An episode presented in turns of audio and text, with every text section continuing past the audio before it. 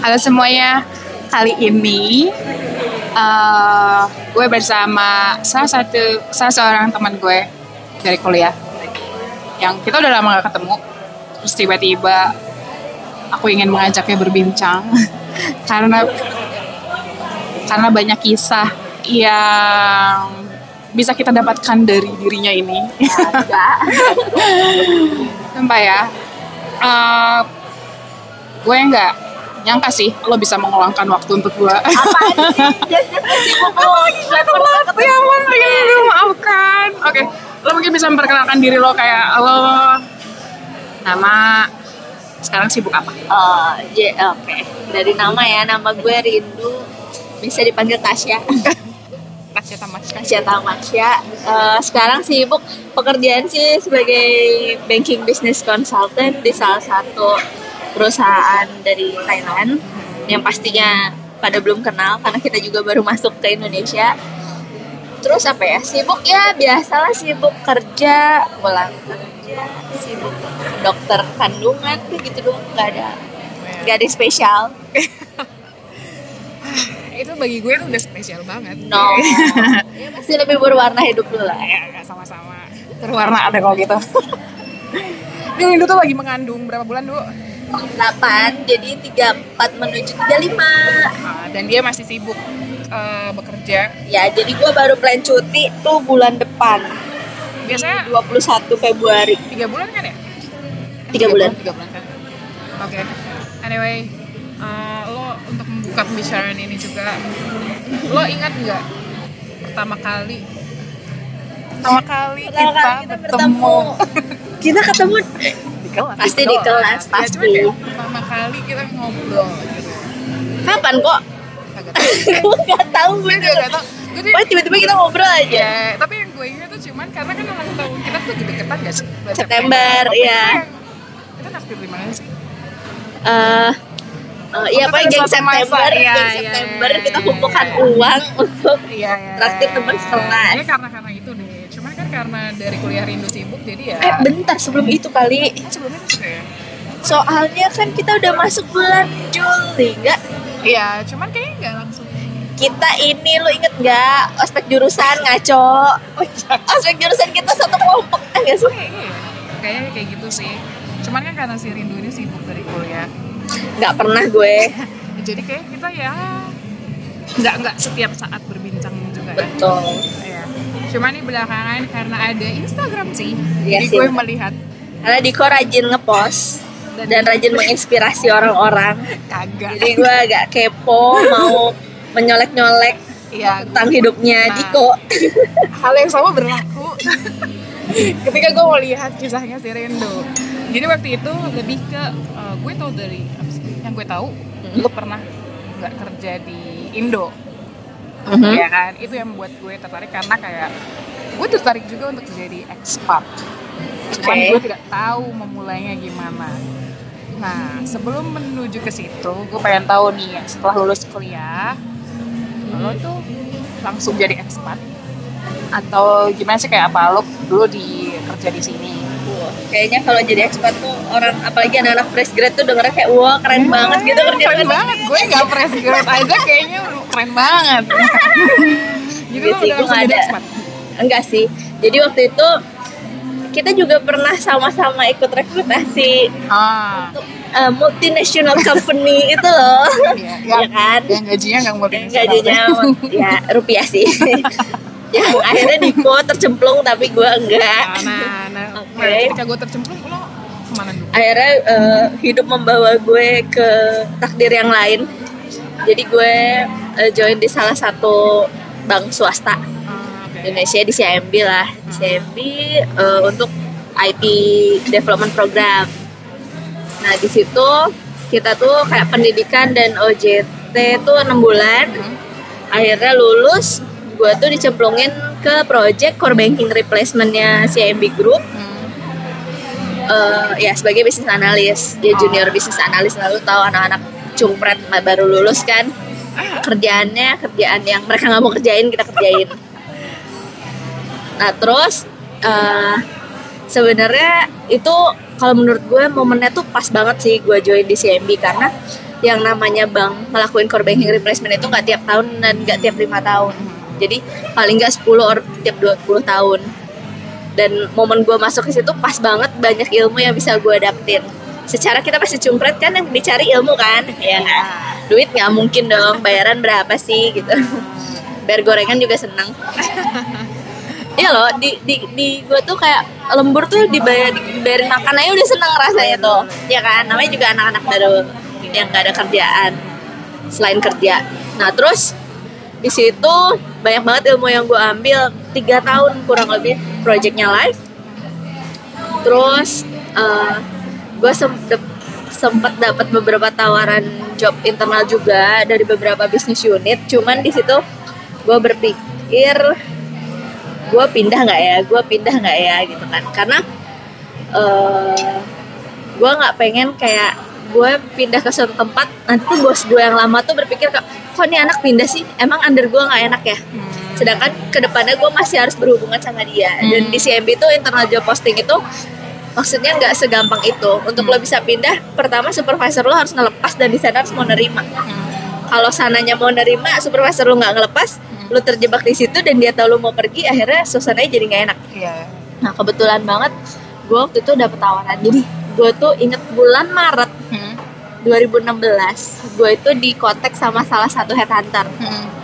di kontak sama salah satu headhunter lewat LinkedIn Oke. Oke. Oh, udah mailing kan tuh di tahun itu. Kay- kayaknya udah deh dari gue di CMU udah Oke. di kontak tapi gue nggak tahu ini ini ini headhunter ini apaan sih namanya Oh. juga anak cungpret ya kerjanya kerja doang kagak bergaul Ah. terus gak gue gubris tuh. Nah, akhirnya seseorang yang lain mengkontak gue lagi di bulan Mei, Hmm. Mei atau Juni gue eh Mei kayaknya. Hmm. Terus gue berpikir awalnya tuh gue berpikir oh ini penipuan gue nggak nggak gue balas lah. Eh ternyata gue dikontak lagi. Terus ya udah gue berpikir oh nggak ada salahnya, nggak ada salahnya gue coba. Yaudah deh gue coba reply. Terus akhirnya mereka nawarin oh gimana kalau kita coba ngobrol-ngobrol dulu kayak gitu. Akhirnya ngobrol. Tapi pas ngobrol kayak gitu mereka tuh selalu pakai bahasa Inggris. Gue tuh bingung nih kenapa sih kita suka pakai bahasa Inggris padahal kita di Indonesia gitu kan. Hmm. Mereka pakai bahasa Inggris, mereka memperkenalkan diri dari headhunter A, misalnya dari, headhunter A. Mereka lagi cari eh, katanya mereka punya klien, kliennya ini si B, mereka lagi cari orang untuk join dan bergabung kayak lah. Akhirnya mereka tanya-tanya background gue, ya udah kita ngobrol-ngobrol. Terus di situ gue ada berapa kali? Empat kali kali gue interview. Terus satu kali assessment gue dikirim ke Bangkok.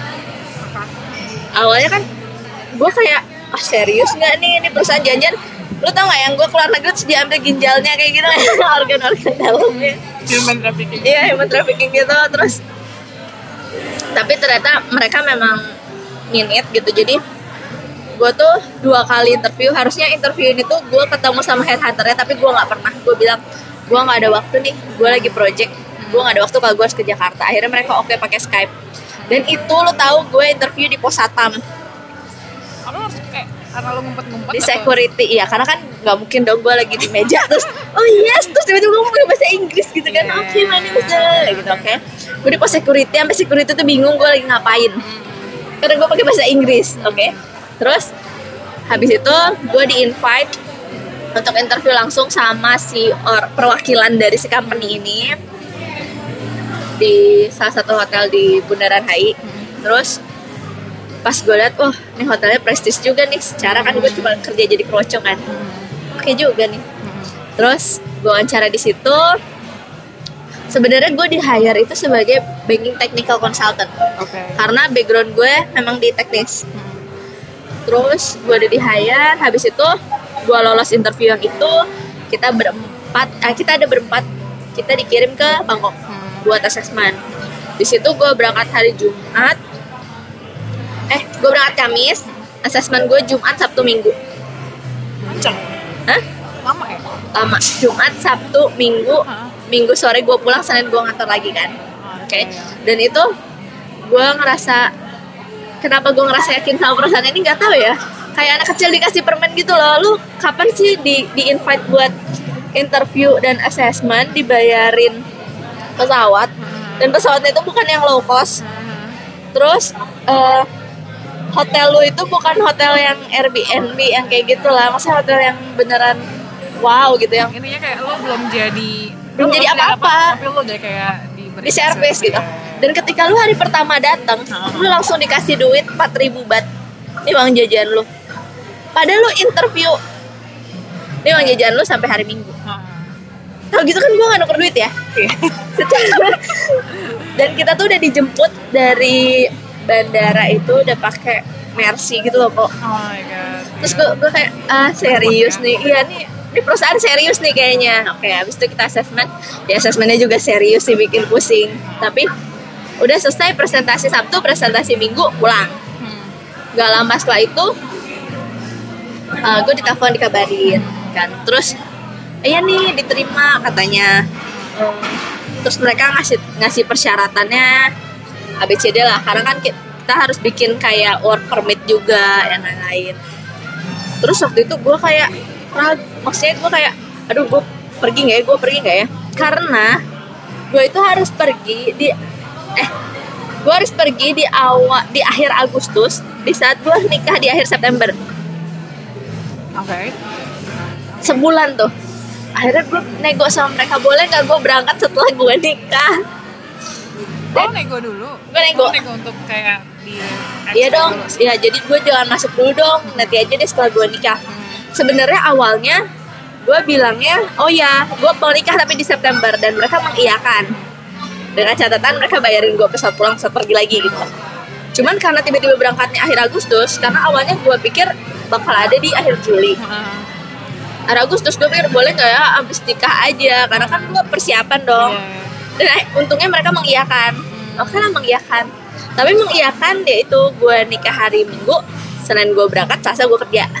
Kayak begitulah hidup gue. Luar biasa ya perjuangan. Mm-mm, terus ya biasalah sampai ke sana datang banyak surat yang harus diurus kan. Lo ke apa tuh kementerian apa gue nggak tahu ke imigrasi ke sana ke sini. Ngurus beberapa hari habis itu langsung kerja. Terus itulah cerita gue bisa join di perusahaan ini sampai sekarang jadi udah kurang lebih tiga tiga tiga setengah tahun. Tahun ini akhir tahun ini empat tahun. Gue di perusahaan ini. Lama juga ya betah. Yes. Dan dan lo sekarang masih udah- masih dari sini kan? Apa masih di sana? Mas nah gue tuh gue tuh pulang ke sini itu setelah lebaran tahun lalu. Setelah lebaran tahun lalu terus memang lagi ada kerjaan juga di sini tiba-tiba sadar hamil alhamdulillah sadar hamil terus pas disuruh balik lagi ya udah gue nego gue mau kerja di sini Tapi- oke. di sini aja deh jangan balikin gue dulu Oh, oke. Tapi lo pas lagi balik ke sini pun user eh kliennya berarti beda. Projectnya kalau uh, projectnya sekarang kebetulan gue lagi ngurusin yang project. project di sini Oh, yang baru mau kita mulai oh, oke oke. Nah, kan tadi kan karena ada kontak eh, kontak headhunter Yes. dari LinkedIn. yes Kayak menurut lo apa sih yang membawa mereka pertama eh interest untuk kontak lo? Apakah karena job lo yang role lo yang sekarang sesuai atau misalnya siapa tahu lo punya trik kalau di LinkedIn lo harus membuat project itu sedetail apa gitu. Hahaha, sesungguhnya gue juga bukan orang yang pintar nulis informasi di feed. Gue nggak pernah nulis blog. Nah, Facebook gue juga nggak ada apa-apa profile bagi Instagram jarang ngepost. Gue sih lebih percaya karena apa yang gue lakuin itu relate sama apa yang mereka cari. Oh, itu dari si- segi Jadi, apa tuh? Maksudnya dari segi posisi. pekerjaan. Dari segi eh, job description oh, gue Oh, berarti gue memang put gue nih eh, kan ada kayak kalau gue bisa bilang kayak pre pre implementasi terus Ah. gue support post implementationnya Ah. seperti apa nah kayak gitu gue gue coba breakdown kalau menurut gue sih mereka ngebaca itu relate apa relate dari pekerjaan gue yang Oh, sebelumnya berarti job base ya. Siapa tahu kayak lebih ke lo pernah megang produk apa terus Betul. dan kebetulan waktu gue pendidikan pun Mhm. kan gue dapat eh, apa gue dapat penghargaan kayak gitu gitu loh gue Oh, masukin. iya. terus gue dulu pernah jadi asisten dosen gue masukin mungkin background background kayak gitu yang buat mereka percaya kayak oh ini bisa nih ini bisa. Oh, Oke. Nah, studi konten kan eh, menurut lo lagi nih, lo ini self assess kan? oh self assess subjektif dong kalau kayak gitu. Nah, itu lebih ke percaya yang mereka konten kan pasti gak lo doang atau enggak tiga atau empat orang itu. betul Nah, yang menurut lo yang membuat lo akhirnya bisa sampai bahkan sampai assessment ke Bangkok gitu. Apa sih yang lebih dari diri lo? sebenarnya ya kalau menurut gue gue nggak tahu sih kemarin tuh gue sangat dimudahkan atau gimana tapi memang gue nggak berharap yang pertama kayak yang gue bilang sama lu kalau misalnya gue merasa jangan-jangan mereka ini penipuan jadi gue merasa kayak nating tulus dan ya udahlah gue jalanin aja gitu. Gue nggak berharap apa pun. Dan pada awalnya pun mereka nggak mention siapa klien mereka karena begitu aturannya headhunter tuh seperti Iya, itu. iya. mereka nggak boleh mention. Sampai klien kita nih sampai kliennya mereka bilang oke. lo ya. Oke. Nah terus eh, gue kayak ya udah nanti tulus. Mereka nanya seharian gue ngapain gue jawab. Terus ya ya setiap mereka tanya gue jawab udah gitu doang sih sebenarnya. Jadi nggak ada tips and trick khusus. Cuman kalau kalau gue sih selalu bilang ya jadi diri lo sendiri aja nggak usah dilebih-lebihin nggak usah dikurang-kurangin gitu. Cuman Oh. gimana caranya lo mempackage itu jadi lebih menarik itu kan ya sebenarnya tantangannya. Dan lo merasa ya. Dan merasa lo merasa lo bisa mem, mem- Ke- ini ya beruntungnya gue ya beruntungnya gue karena waktu itu kan project gue termasuk project group ya. Jadi gue kayak terbiasa uh, ngomong dalam bahasa Inggris. Jadi Oke. ketika gue harus harus apa diskusi sama mereka atau interaksi sama mereka gue nggak ada kesulitan. Mungkin orang-orang lain yang sebenarnya bahasa Inggris mereka bagus tapi nggak terlatih gitu loh. Itu kan jadi malah sulit mungkin buat mengungkapkan. Tapi karena gue terbiasa mungkin itu juga sih salah satu kemudahan. Emang ada di waktu dan momen yang tepat aja. Kalau sisi dari technical skill, Wush, technical skill. Jelek banget technical skill sih, cuman kan kadang gini loh, du, lo jago ngomong, cuman misalnya nggak tahu apa yang lo kerjakan, ya Betul. aja mereka juga nggak yakin dengan itu. Yes. Nah, berarti bisa gue bilang waktu lo kerja di tempat sebelumnya, lo paham banget dong apa yang lo kerjain. Oh, ketika mereka nanya, ehm, emang kelebihan lo apa di eh, kelebihan lo di tempat kerja lo sekarang apa? Tau gak gue jawabnya apa? Apa? Lo tanya apa aja gue tahu. Ah, oke oke oke. Nggak ada yang nggak ada yang lebih tahu sistem itu selain gue. Gue bilang kayak gitu karena memang ya ya gue minit memang seperti itu gitu. Ah, Jadi seben- sebenarnya kalau gue tuh trik gue bekerja itu ah. intinya gimana caranya bikin orang bergantung sama lo. Oh, ma- oh, Itu oke. strategi gue. Oh. Artinya apa? Lu tahu semuanya. Ketika orang mau bertanya, dia bakal nanya sama lu. Ah, Ketika lo nggak tahu dan lo mencari tahu, artinya ilmu lo nambah satu kan. Dan orang bakal datang lagi ke lo untuk bertanya. tapi gue jadi penasaran. Lo orangnya pelit gak sih? Pelit apa? ilmu-ilmu. Maksudnya Oh, kayak enggak. siapa tahu nih ya. Ada orang yang nanya lo, terus lo jadi yang ngerasa ah, ada drama-dramanya kayak lo ngasih taunya sekadarnya aja. Oh enggak. Kalau gue apa ya? Karena terbiasa di pekerjaan gue itu kayak nge-assist user kan. Jadi mau nggak mau gue memang harus share semua sama mereka. Cuman ya kadang-kadang kan user juga pengennya cuman tahu bagian yang mereka butuh doang kayak gitu kan.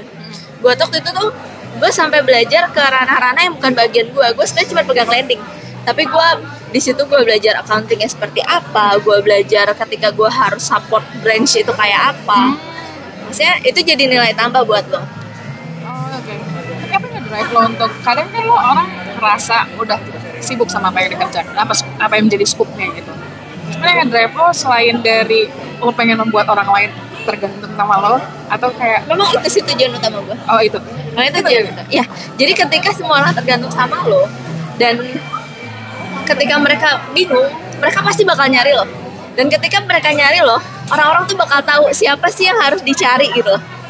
Nilai jual lo tuh bertambah gitu loh. Dan supervisor lo tuh akan ngeliat oke nih sini gitu. Karena selain lo mengerjakan bagian lo sendiri, lo bisa membantu orang lain untuk mengerjakan bagian mereka gitu. Tanpa harus lo yang mengerjakan gitu. Kayak gitu. menarik menarik. Dan menarik. itu yang gue implementasikan sampai sekarang. oh gitu. Berarti lo harus proaktif dong ya. Iya. sebenarnya karena gue suka ikut-ikutan aja sih kayak gue bukan bagian comment center tiba-tiba gue masuk comment center eh sini dong gue coba padahal gue gue nggak pernah pegang sistemnya tiba-tiba brand nelfon ada masalah nih gue nggak tahu ini caranya gimana gue coba coba pak pencet ini pencet ini gitu aja tapi lama-lama gue tahu Nah, lu orangnya cukup berani juga ya nyoba-nyoba. Oh ya gue udah sering dimarahin sih jadi ya udah oh gitu. di kerjaan Tapi ya untuk nanya orang itu nggak semua orang kan bisa. Maksud gue gini loh, lebih ke soft skill sih. Maksudnya kan eh, siapa tahu lo either malu-malu atau sebenarnya ya walaupun ada pepatah malu bertanya sesat di jalan sih. Tapi kan istilahnya lo se- sebenarnya nggak nyari jalan lo sendiri kan. Lo kayak memperbanyak memperbanyak alternatif lo ya nggak sih? Apalagi intinya kayak gitu. Nah. Sebenarnya gue pemalu tau. Gue gue tuh bukan tipe orang yang bisa ngomong di depan orang-orang baru. Atau gue bukan orang yang ramah ketika pertama kali ketemu sama orang gitu. Serius? bener Eh, iya tapi entah nggak? Ketika hari gue pertama kerja setelah gue lulus dari ITDP itu supervisor gue suruh gue ke depan jelasin flow itu ke semua orang yang ada di ruang meeting. Hmm. tanpa gue tahu flow itu apaan tanpa gue tahu orang ini siapa. Oke. Hal-hal kayak gitu yang yang bikin lu deg-degan yang bikin lu Ah. terbiasa jadi kayak gitu. Oh, oke.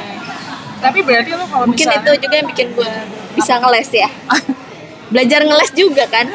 Iya juga sih. Cuman berarti lo kayak misalnya minta tolong sama orang untuk melakukan hal masa istilahnya mereka sebenarnya memberi kesempatan lo untuk melakukan sesuatu tapi lo kayak lo belum tahu atau belum bisa lo akan mencobanya itu. Atau bilang enggak lo lebih ke mana sih? Kayak orang kali kali sesuatu hal yang baru lo lebih langsung bilang enggak atau lo coba dulu? Iya gue pasti iya.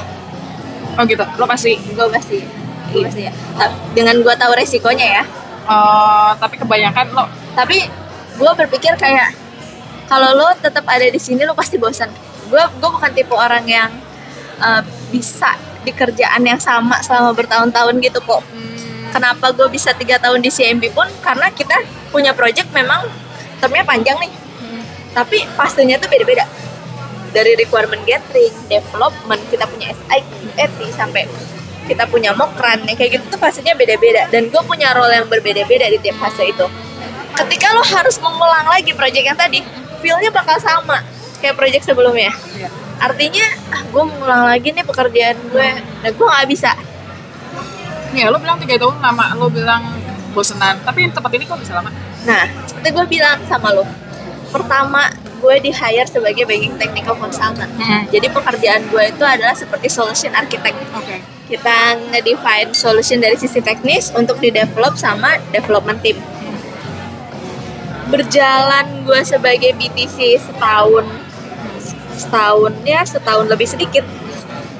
Mereka minta gue pindah ke business consultant. Artinya ada dunia baru yang gue pelajarin dong dan dunia bisnis ini beneran beda banget sama background gue di perusahaan sebelumnya Oke, oke. jadi gue merasa kayak oh masih banyak nih yang gue pelajarin terus ketika gue belajar jadi bisnis consultant terus kita mau fokus sama project di Indonesia mereka kasih gue kepercayaan satu role baru ya gue anggap itu sebagai pembelajaran juga. Jadi kayak oh ini walaupun di perusahaan yang sama dengan tem tiga tahun tapi di dalamnya tuh ada hal berbeda yang gue pelajarin gitu loh. Oh, beda-beda ya. betul sampai di satu titik lo merasa oh gue udah dapet ilmunya ya gue pasti pindah Terus gue pengen tahu juga nih, kalau udah dua perusahaan pindah, yang lo ingat atau yang gak hikmah, yang dapat lo ambil banget dari tempat lo pertama tuh apa? yang bisa gue ambil Kayak- yang kayak pertama. Ini pelajaran banget bagi lo. oh kalau dari terus dari CMB sih gue beneran belajar gimana kerja ya. Karena gue pertama kali jauh dari orang tua kan beneran jauh dan gue harus berangkat pagi pulang tengah malam. Gue tuh ya paling sering pulang di atas jam 11 atau sampai setengah enam pagi. Itu gue belajar. Di situ kalau misalnya ya kerja tuh ya kerja keras gitu. Loh Oh, terus gue belajar ritme kerja sebenarnya karena kita belum pernah kerja kan sebelumnya. Oh kerja sama orang tuh kayak gini loh. Dan menurut gue itu fun karena gue gak tahu sih karena gue dicemplungin ke project yang fun aja kali ya.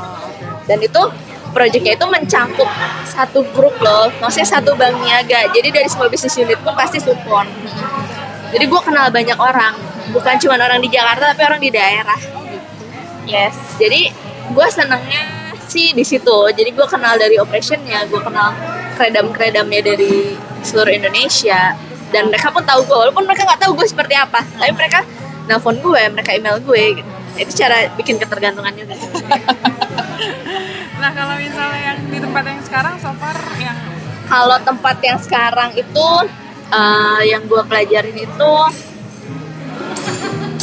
sebenarnya mungkin karena di kantor yang kedua ini gue bisa dibilang hampir nggak ada supervisi.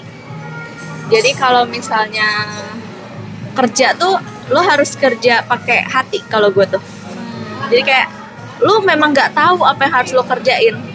Maksudnya nggak ada panduan lo kalau ini ngelakuinnya A B C D E tuh nggak ada.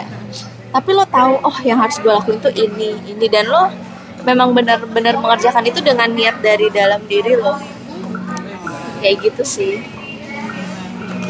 Ya kayak gitu. Dan kalau lo beneran kerja bener hasilnya juga sebaik itu kok gitu. Kalau lo kerja seniat itu hasilnya juga sebaik itu kerja tuh harus niat. kerja tuh harus ma ya menurut gue ngapain Iya. sih lo ngabisin waktu lama kalau misalnya cuman kerja seadanya gitu loh? Kayak yang penting kerjaan gue beres. Nah gue paling gak suka orang kayak gitu. Kerjaan lo beres apa yang lo kerjain? Kalau cuman kayak gitu doang mah kasih aja anak fresh grade selesai. Itu suka gue marah-marah di kantor.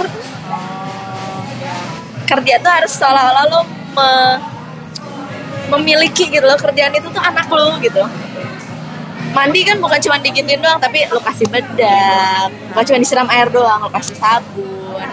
Lo lihat ada ruamnya atau enggak yang kayak gitu. Menarik menarik. nah tapi lu nih berarti kan kita kuliahnya IT IT gitu lah ya. Ketika lo udah kerja selama, selama beberapa tahun ini, pakai nggak ilmunya iya. Pasti pasti kepake sih. Cuman kayak yang paling lo ingat. Ingat apa nih? Yang paling ah kalau nggak yang buat lo ingat lo lagi mengerjakan sesuatu terus kayak yang mulanya ah ini kayaknya gue pernah belajar di kuliahan atau kayak ini waktu itu kayaknya waktu dulu tuh dipelajarin cuman gue nggak dengerin aja. Masa ada nggak sih mata-mata kuliah yang bener-bener eh, berdampak ke kerjaan lo ini? Soalnya kan masih IT IT juga. Selain mungkin RPL kali ya. RPL kan kita belajar SDLC jadi mau nggak mau ya. jadi familiar. Itu RPL namanya ya? Gue nggak ingat nah yang yang yang. Bahkan SDLC pun gue lupa kalau kita pernah belajar. Oh jadi lo baru ingat baru ngeh wah di ya kerjaan. jadi se- sesungguhnya ketika gue bekerja gue beneran gak inget apa yang gue pelajarin waktu kuliah Oh. dan gue beneran belajar dari situ ketika gue uh, masuk CMB pun Heeh. uh, bahasa programan yang gue pelajarin kan RPG Heeh. tapi karena gue IT development program Heeh. gue belajar AS400 kan gue Oh, belajar itu dan IBM.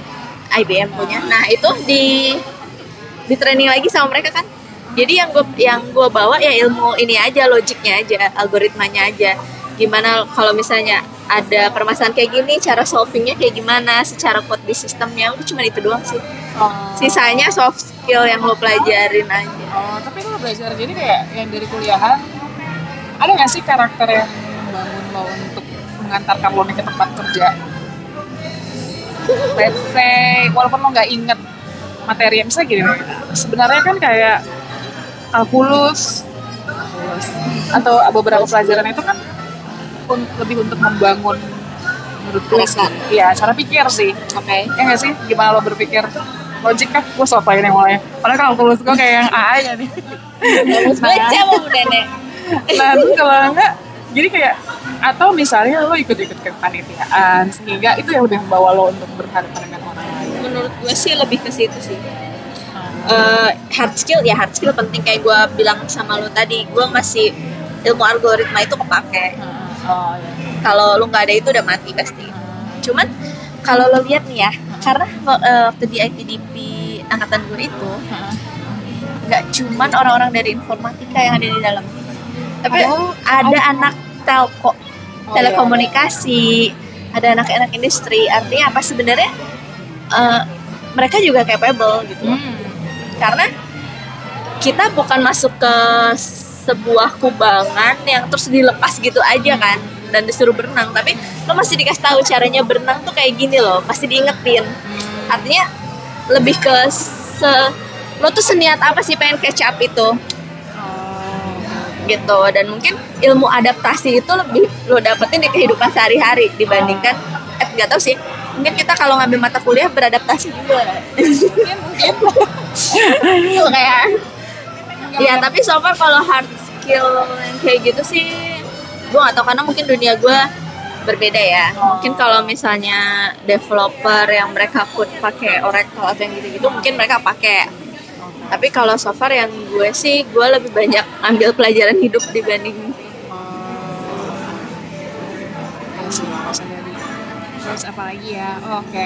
Juga hubungannya sama kuliah. Soalnya kadang tuh kan eh, orang tuh lo merasa gini juga gak sih? Waktu kuliah lo merasa salah jurusan? Kayak gue ngapain ya kuliah ini untuk oh apa ya iya tentu saja pastinya. Terus kayak udah hidup gue mau gimana ke depannya coy? Kalau gue salah jurusan kayak gini gitu kan iya kayak udah udah. Soalnya kalau kita kan akhirnya untungnya sekitaran akhirnya sekitaran karena kalau gue sih ngeliatnya kayak oh, udah udah lulus. Toh kayak mereka juga fine fine aja berarti gue bisa fine fine aja Iya. kayak gitu loh. Tapi ada juga yang stuck kan. Maksudnya maksudnya ada yang kayak either berbalik atau stuck karena tidak tahu ke depannya. Nah saran lo untuk menurut, menurut lo ya menurut lo kalau misalnya lo lagi lo lagi melakukan sesuatu hal beda sih dulu kuliahan ya lo lanjut aja ya. Tapi kalau Iya. sekarang kan beda ya kalau lo udah stuck lo harus mengambil aksi Mm-mm. dari itu. Nah pertama gue pengen tahu lo kalau misalnya stuck di suatu hal lebih ke kerjaan nih terus apa sih biasanya yang lo perbuat maksudnya gimana? Lo kayak tipe yang mengalir aja nunggu kesempatan datang atau yang inisiatif untuk nyari apa kek yang masih di kerjaan atau di luar kerjaan atau gimana sih biasanya kalau stucknya itu gimana nih? Stuck di karir atau stuck di lo lebih tidak kayak termotivasi melakukan hal itu? Iya siapa tahu kayak kerjaan tiba-tiba lo uh, kerjaan lo kerjaan lo ya itu tadi misalnya deh lo udah kayak gue merem aja bisa. gitu berarti menurut gue sih udah kayak Oh iya, kalau buat gue em, melakukan sesuatu yang boring tuh malah mematikan kreativitas lo. Jadi kalau lo sudah merasa ya you don't belong to that company, ya udah pergi aja. lo tipe yang berarti lo harus pergi atau pas Bukan, lo kerja pakai hati. Ketika hati lo udah nggak ada di situ, saatnya lo pergi. Dan lo memang harus meninggalkan perusahaan itu ketika performance lo lagi bagus-bagusnya. Oh Itu kuncinya. oh gitu. Kenapa? menurut lo kenapa gitu? Karena eh, itu itu bakal jadi eh, apa ya itu bakal jadi memori yang diingat sama orang-orang yang bekerja di situ. Oh make sense. Jadi jangan sampai lo meninggalkan kesan yang buruk. Jadi eh ini pindah. Ya kemarin udah kerja malas-malasan juga ngapain? Gitu loh. Oh. jadi ketika performance lo lagi di puncak nih lagi on top ketika semua orang kenal dan bergantung sama lo pergi. Serius lo sejahat itu? Jahat gak sih? Apa realit realis- bukan gitu sih maksudnya kan gue bilang kalau kalau menurut lo hati lo udah nggak ada di company itu lagi. Atau Hmm. menurut lo nggak ada yang bisa lo pelajarin lagi di situ pergi. Gue nggak masalah. Oh, bahkan ke anak-anak ke anak-anak gue pun sekarang gue bilang kalau lo merasa nggak ada yang bisa lo pelajarin lagi di sini pergi aja. Ah, karena memang lo merasa kita jahat sama company. Sebenarnya company juga nggak sebaik itu sama kita gitu. juga nggak peduli perusahaan juga betul. yang penting adalah lo bisa seberkembang apa sih? Oh. karena kom- kompetisi itu bukan cuma yang lo lihat di jalur lo di tempat lain tuh teman-teman dan orang-orang lain lain juga mereka berkompetisi sama lo secara nggak sadar. Tapi bagaimana ya, bagaimana lo meningkatkan awareness lo terhadap hal-hal itu? Maksud gue kan karena lo kerja nih maksudnya karena kerja ya yang kita lihat sebenarnya kan itu itu juga. Gitu tapi gimana caranya lo meningkatkan awareness lo kayak di dunia luar seperti apa oh kalau lo mau tahu kayak gitu lo harus main keluar. Oh gitu. Jadi kayak ya kalau awareness sebenarnya kalau kita ngomongin dunia luar pasti kita meraba-raba sampai kita beneran ada di dunia luar ya kan? Sama kayak ketika gue di CMB gue tuh wonder kayak aduh kerja di tempat lain rasanya kayak apa ya? Kayak gini juga nggak ya? Dan kebanyakan teman-teman gue itu takut untuk pergi karena mereka terlalu nyaman di situ. Oh tanpa tanpa mereka sadarin sebenarnya yang bisa mereka pelajarin luar itu jauh lebih banyak daripada mereka stay di situ sekarang gini lu pergi kayak gue misalnya gue pergi nih eh, dari CMB Ah. peraturan perusahaannya apa? Dua tahun kalau misalnya lu keluar lu bisa masuk lagi. Bisa balik lagi ke perusahaan itu sebenarnya. Sekarang keuntungannya lu keluar ketika performance lu lagi bagus-bagusnya apa? Ketika lo mau balik lu pasti diterima. Oh ya.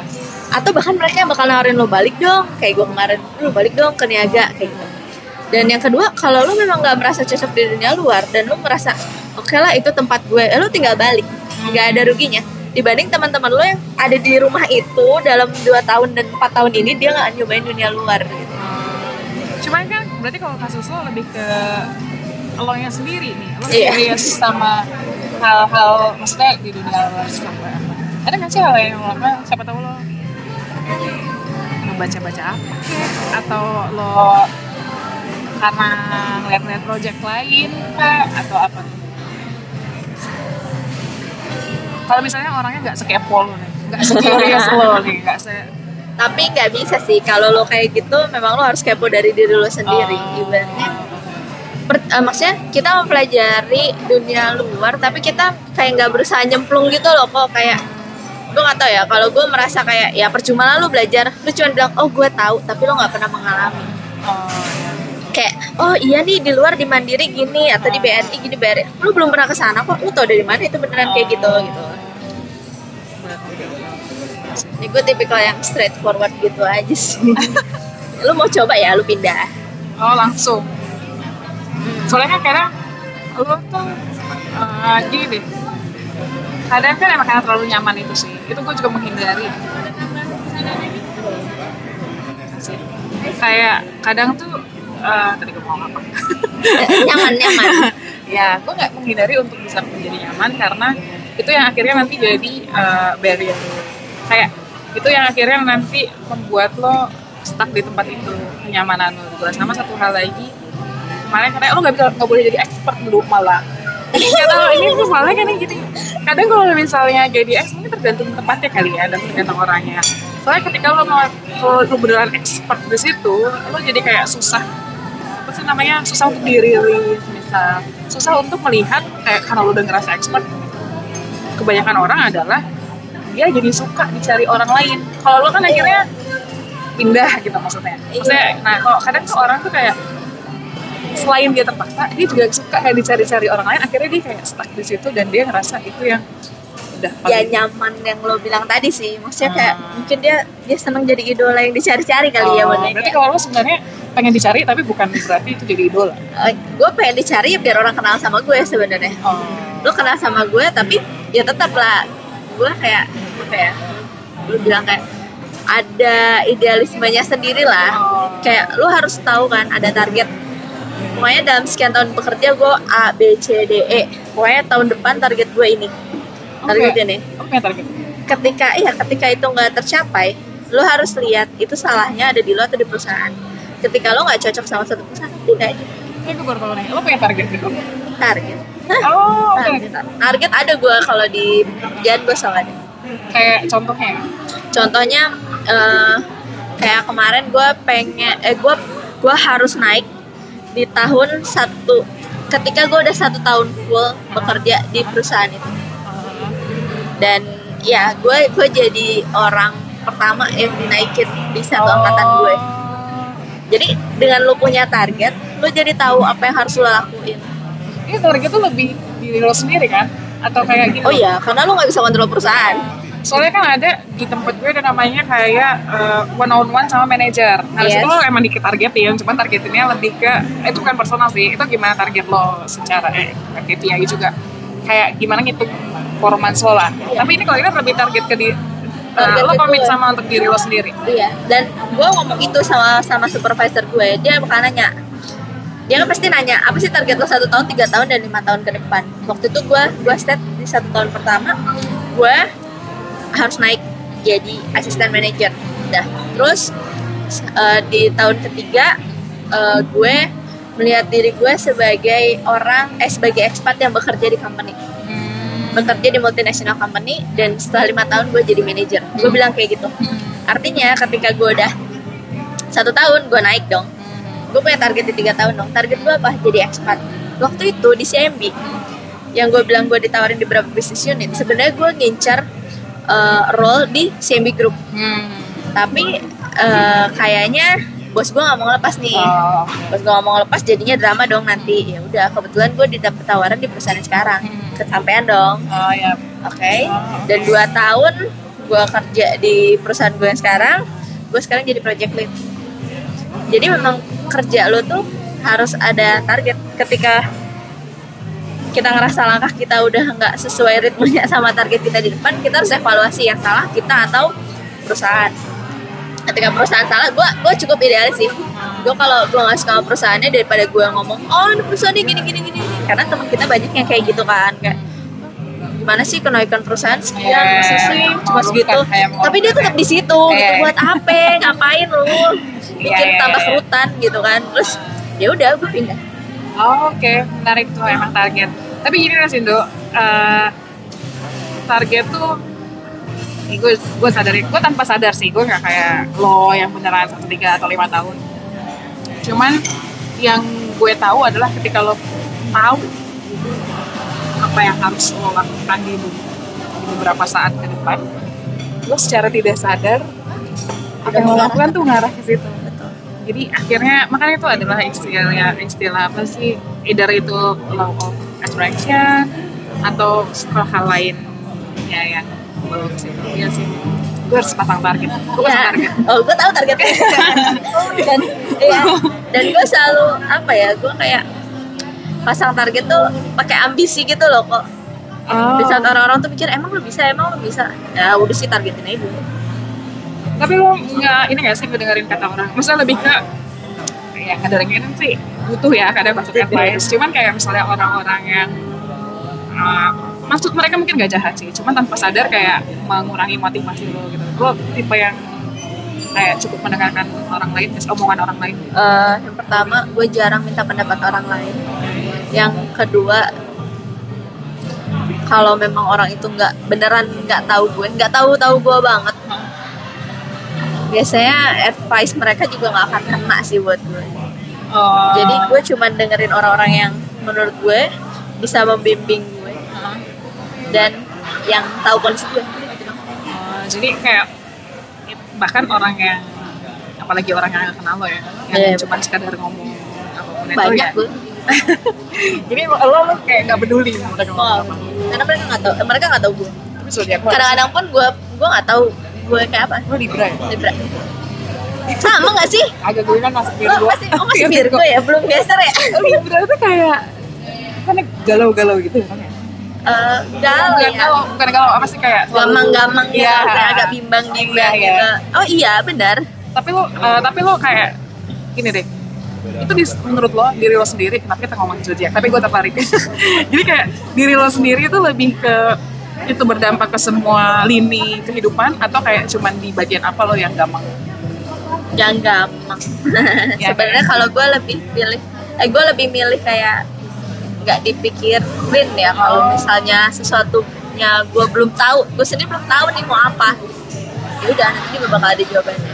Cuman memang ya sekarang yang kemarin-kemarin dari kemarin gue pikirin tuh ya cuman pokoknya gue kerja targetnya ABCD eh gue harus jadi ini gue harus jadi ini gue harus jadi itu. tapi berarti kalau di kerjaan lo nggak pernah bimbang Eh, gue lebih suka marah-marah dan ngomel-ngomel dibanding bimbang oh, jadi lo merilis rilisnya tuh dengan iya kadang-kadang kalau bimbang tuh malah bikin lo jadi terlalu banyak berpikir gitu loh. Tapi kalau di lini kehidupan lain lo ada yang lebih oh bimbang pasti dong masa keuangan gak sih? Eh bener loh.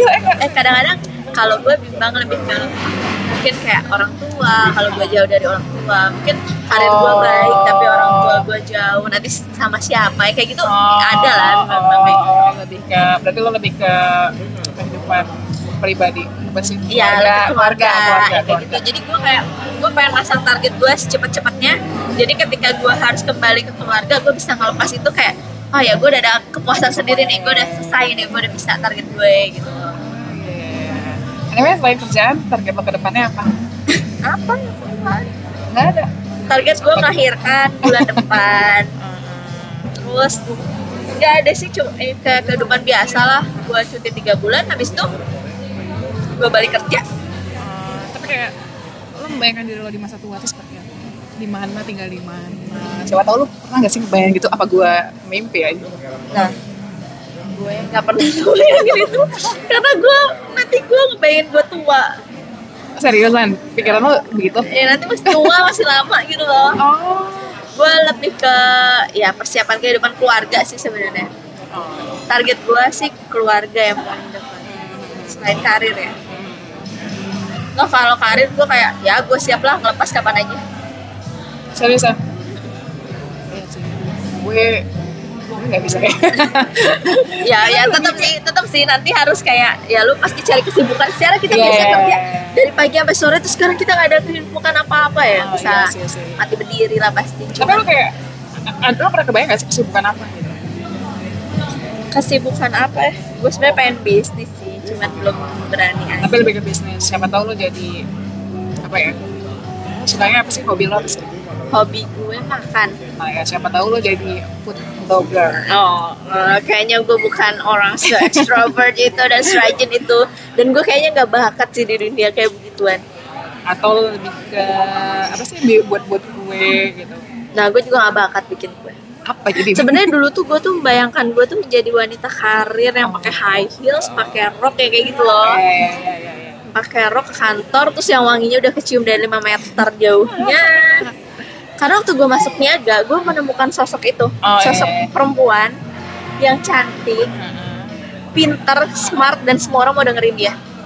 ketika ada yang nanya dia jawab ngomong A B C D E 5 menit 10 menit mereka ngejelasin semua orang percaya. Dan ketika semua orang percaya dia bilang eh tapi gue nggak tahu sih nanti lo cek aja dulu.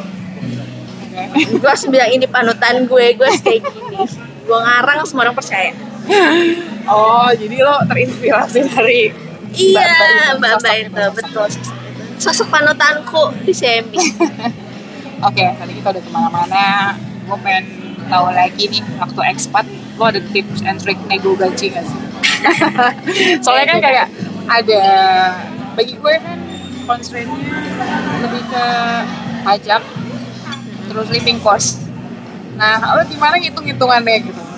Kayak uh, waktu lo pertama itu dia langsung ngasih harga atau kayak lo duluan gitu? Eh, sebenarnya awalnya mereka nanya gue expectnya berapa Oh, oke. tapi lebih ke expect eh, salary gue per bulan ya Oke.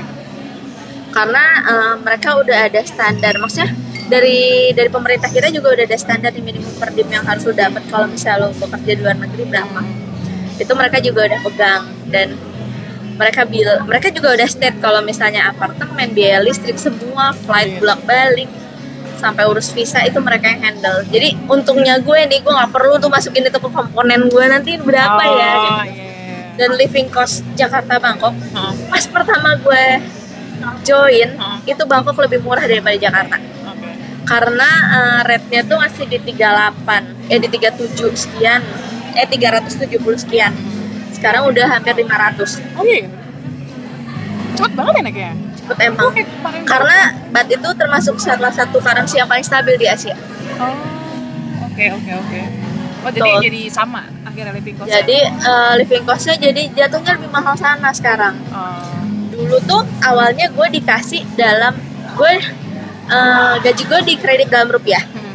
tapi eh, buat living cost gue dikasih dalam bat dulu kayak gitu awalnya. Cuman akhirnya pas udah kasih di sini si per diem gue itu kan dalam dolar kan langsung kita minta di convert aja ke rupiah nggak usah ke dalam bat karena di bat juga lu nggak kepake gitu loh kok. Terus kan duit itu lebih kepake buat rupiah kan daripada harus jadi dari USD di convert dulu ke Thai baht dan Thai baht kita harus convert lagi ke IDR yang lalu kena ke exchange Iya, berapa iya, kali iya. kan akhirnya kita minta langsung aja di kredit ke rupiah oh ya udah mereka oke Enak ya, jadi lu nggak usah mikirin berapa kepotong pajak. berapa betul dan kita cukup ngambil di sana sebutuhnya kita aja dan living cost berarti makan doang dong. makan jalan-jalan Iya kan, maksudnya lu nggak mikirin akomodasi transport. transport eh, sebe- karena apartemen itu sebenarnya nggak jauh dari kantor. Oh. jadi gue biasanya bolak-balik jalan kaki. Oh, dan hidup lebih sehat di sana loh. Gue kalau pagi-pagi beli beli buah di depan kantor jalan kaki. Gila loh. Terus gimana cara lo? Eh, yang paling ribet dari jadi? Yang paling ribet dari expat ya. Karena klien gue itu bank kan bank-banknya itu ada beberapa tuh government bank Jadi mereka tuh sangat membatasi penggunaan bahasa Inggris ke dalam kehidupan sehari-hari. Jadi mau nggak mau gue harus belajar itu tuh bahasa Thai sedikit-sedikit, bahasa Thai sedikit-sedikit. Dan itu belajar dari orang otodidak. Karena kalau lo ngambil course, course-nya itu lumayan mahal dan waktunya tuh nggak sesuai sama lo. Oh iya. Karena mereka ada week weekday-nya, walaupun after office hour, tempatnya jauh. Terus jam 7 udah mulai kan nggak mungkin dong jam 7 malam, malam. Oh ya, habis after office. Oke. Iya, jam 7 malam, jam 6 jam 6 malam tuh udah mulai jadi kayak "Ah, ya udahlah nggak mungkin kejar. Jadi lo belajar dari sehari-hari aja. Oh, jadi lebih kendala Apa bahasa. bahasa. Ya itu itu paling paling ini sih karena Thailand mereka penggunaan bahasa Inggrisnya agak kurang juga. Coba deh contohin gua, gua cuma tahu sawadikap. Sawadika, Coba contohin. Sawadika, Apa tuh? Chance, Terus yang lain dong. Oh ya. Hmm, Chan Ayu isi peti. Apa tuh artinya? Hmm? Artinya? Eh, gue umurnya 28 tahun terus eh, Chan Asa Yuti BSD H Oh tinggal. Chan Mai Chop Kin Mu Kin Mu Mai Dai Oh my god. Eh, gue nggak suka makan babi gue nggak bisa makan babi Oh, lo Mu itu babi Oh, ya. ya kayak gitu gitulah belajar kayak gitu Yang susah ada. dan yang susah dari belajar bahasa itu nulis tapi untungnya kita nggak Oh, dituntut sulit untuk nulis sih Cuman dia emang harus gitu ya ngomongnya. Kayak. Bener, jadi mereka tuh ada lima, lima ton bahasa gitu. Oh. Ada yang turun, rata, naik, eh, rising sama low. Oh, oke oke. Menarik. Itu gue juga nggak bisa. Kadang-kadang mungkin eh, pengucapan gue salah, tapi mereka mengerti apa maksudnya lah. Kayak ngomong kau. Kau itu artinya ada putih, nasi, awan itu kau. Kau, kau, kau, Oh, satu ini tapi beda kau, kau itu sembilan. Iya, jadi kayak beda-beda. Oh. Masih tahu yang fun fact ya, fun fact Fun fact. orang Thailand. Kayak orang Thailand, uh, mereka tuh baik banget. Oh iya. Baiknya tuh gimana? gue tuh sama kadang-kadang malu loh jadi mereka tuh gue nggak tahu ya. Mereka tuh welcome banget. Jadi kayak kalau beli sesuatu tuh kalau makan siang mereka selalu bawain kita sesuatu. "Eh, ini dong ini kita beli ini nih kalian coba deh. Kayak gitu. Mereka selalu beliin kita dan mereka selalu libatin kita di semua apa? Ya semua apa ya kayak pertemanan mereka kayak gitu. Eh main ke sini main ke situ gitu sedangkan kita sendiri kadang-kadang aduh kita mau ngasih apa nih ke mereka ya nggak sih kan malu-malu jadi malu sendiri gitu loh Oh, oke oke. mereka selalu lu kebayang tiap makan siang hari ini lo dibeliin coconut shake besok lo dibeliin jus jagung besok lo dibeliin ada aja dibeliin nih Tapi itu dari tahun pertama lo sampai tahun terakhir kayak gitu lah. Atau Dan karena lo baru-baru? dan mereka memang kayak gitu Oh, oke. Menarik. Terus kayak makanan kesukaan lo? Eh, makanan kesukaan gue di Thailand oh Ah, boncon ya dulu Boncon ada di sini kan Boncon tapi kan udah nggak ada Oh, boncon memang dari Thailand. kan makanan kesukaan di Thailand Enggak, ini makan Thai food ya. Oh Thai food ya Allah. Soalnya kalau makanan gue galau gue pasti ke boncon. Kalau gue udah gak tau makan apa gue makan Boncon yang ayam tepung itu. Mas. Iya. Nah, terbaik micinnya kalau makanan Thailand apa ya gue nggak begitu suka sticky rice oh gue lebih suka tom yum tom yum. karena dia asam dan pedas udah itu Oh ya. Lo kalau weekend expat life kalau weekend tuh kerja juga, kalau tidur doang atau jalan-jalan. nah itu belanja. menariknya di Thailand. Pertama mereka itu anti anti lembur. Oke. jadi mereka benar bekerja tepat waktu. Walaupun di tempat gue flexible hour nih misalnya gue datang jam 8 gue balik jam 5 gue datang jam 9 gue balik jam 6 gue datang jam 10 gue balik jam 7 udah kayak gitu. Tap- jadi lo nggak datang jam 8 lo harus pulang jam 9 malam jam 8 malam. Itu nggak. Terus Sabtu Minggu kerja. Oh big no no karena kita Sabtu Minggu jalan-jalan dan di sana kan ada night market banyak kan. Jadi biasanya kita Jumat malam itu udah eh, nongkrong nih sampai pagi. Terus nanti Sabtu paginya kita gue sih biasanya nyuci di apartemen nyuci yang kayak gitu gitu Oh, beres-beres di rumah. Kan di bawah ada tempat kayak coin laundry gitu kan. Beberapa gue cuci sendiri tapi gue dapat jatah sih sebenarnya untuk laundry. Jadi Oh. dari dari apartemen tuh udah dikasih gue tinggal masukin cuman kan kayak baju-baju yang kita pengen cuci sendiri kayak gitu Sumpah ya, gue nggak tahu, maaf ya, gue judge mental banget orangnya. Tapi gue tuh dari tadi dengerin lo naik kereta, naik eh, sebelumnya sebelum kita katakan Ah. ini kan naik kereta, naik MRT lah ini. Iya. Makanya makanya. Lo tau gak pertama gue kerja di CIMB ya Ah. CIMB Karawaci Gue tuh ngekos di daerah situ juga. Teman-teman gue taunya gue selalu datang bawa mobil dong. Gue ke kantor pakai heels ya kayak gitu gitu lah pakai rok kayak pakai blazer gitu kan. Terus satu saat gue gue tuh bilang sama mereka "Eh, sebenarnya gue tuh kalau ke kantor ya gue tuh naik angkot.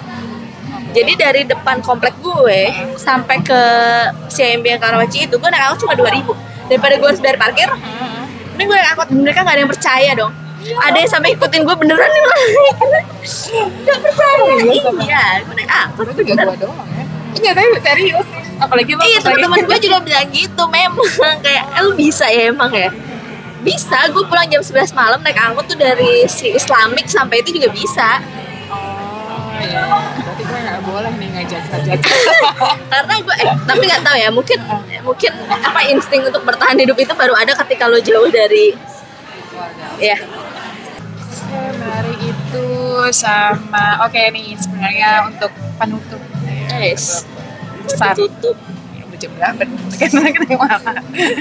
pesan untuk eh eh enggak deh jangan pesan. Pesan lu kayak atau pesan. kayak kuat atau prinsip hidup lo yang bisa lo share ke orang lain. Yang membuat lo kayak tetap semangat untuk melakukan atau semangat kerja kayak semangat cari uang atau semangat apa pun itu. Apa sih yang kata-kata apa yang beneran yang motivasi lo Eh, kata-kata yang beneran memotivasi gue. Untuk saat ini? Hmm, gue sih kayak gue nggak ada yang spesifik sih cuman gue lebih ke lakuin sesuatu yang menurut lo bisa bikin lo happy. Selama lo happy di kerjaan lo lo pasti bersemangat untuk bangun pagi dan pergi ke kantor. Selama lo happy menyambut weekend lo weekend yang tadi harusnya tidur sampai siang pasti lo bangunnya lebih pagi dan lo lebih bersemangat terus ya sama semangat ngejar karir semangat cari jodoh semangat semua semangat aja semangat dan harus bikin happy sesuatu yang bikin lo happy pasti lo bakal semangat ngejarnya Kalau tipe berarti kalau misalnya hal itu nggak buat kita happy, mendingan tinggalin aja. Yes. Atau lo tetap nunggu berharap. ya enggak sih kalau kata gue berharap tuh agak hopeless juga Oh, oke. karena kayak kebahagiaan itu lo yang cari sendiri Oh, dan itu nggak hanya di satu hal. ya. Maksudnya, Ya, itu general itu berlaku general uh, untuk pacar pun kalau lu nggak happy buat apa dan kayak source of happiness lo tuh nggak cuma di satu kerjaan itu atau satu orang itu. ya ada. dan lo harus percaya kalau misalnya di mana pun lo berada lo bisa dan lo adalah sumber kebahagiaan lo sendiri jadi kayak jangan sampai lo gue nggak berani nih eh gue nggak mau pergi nih takutnya nanti di sana gue nggak bisa kerja di sana gue nggak bisa nanti kalau gue nggak punya teman gimana kalau lo udah mikir kayak gitu lo pasti nggak bisa Oh, jadi itu harus dari lo harus positive thinking juga. iya Lo, lo lo, lo pede aja maksudnya gue nggak tahu sih itu over pede atau nggak tapi ya gue memang bisa itu harus ya kalau lo udah ngerasa lo nggak bisa ya mending gak usah lo lakuin Ya, menarik. Itu sih kadang lo tahu, cuman lo suka lupa. Enggak kalau gue, maksudnya lo tahu harus begitu, cuman lo tuh kalau nggak diingetin. Iya benar, harus ada support sistemnya juga sih di sekitar. Kadang-kadang kan ada yang ya sama lah kalau lu dimarahin atasan atau ada suatu project lo yang fail kan, lu pasti down kan.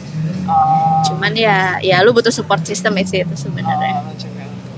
Oke menarik nih. Tadi gue udah ada kisah menjadi expert Kisah, TKW ya, TKW ya kayaknya. TKI gue, TKI ya, TKI. TKI gue Jadi expert terus. Gue dapet menarik sih kalau misalnya ya gue juga rekomen kalau ada kesempatan ambil aja ya kayak gue tiga tahun gue mungkin ngerasa tiga tahun lama karena gue LDM kali ya Oh, mungkin iya. kalau gue masih sendiri gue bakal ngerasa ya udah gue di sana Ya ampun itu kayaknya topik selanjutnya deh. karena LDM itu ya gue Iya. bertemu tiap tiga bulan ya nah, kan itu, itu tuh ada topiknya sendiri Iya. nanti kapan-kapan lagi. Cuman gue tadi yang gue inget tuh masalah target sih. Jadi kayak uh, terlepas dari gue orang yang ambis, kita orang yang ambisius apa enggak, cuman emang kayak harus punya target biar lo tahu lah emang istilahnya sih udah sampai di tahap mana dan iya, maunya ke mana Iya benar-benar banget, benar banget. jadi lo bisa ngukur diri lo sendiri sebenarnya Baik banget Nindu, terima kasih banyak Oke. atas waktunya. Waktu dari mana? Yang sibuk Iya, yang sibuk lu. Gue gak ada. Nganggur nih. Semoga perbincangan kita bermanfaat juga untuk yang mendengarkan. Semoga ada yang mendengarkan. ya. Semoga ada yang mendengarkan. ya, sampai jumpa di bincang berikutnya. Uh, terima kasih Rindu. kasih. Dadah.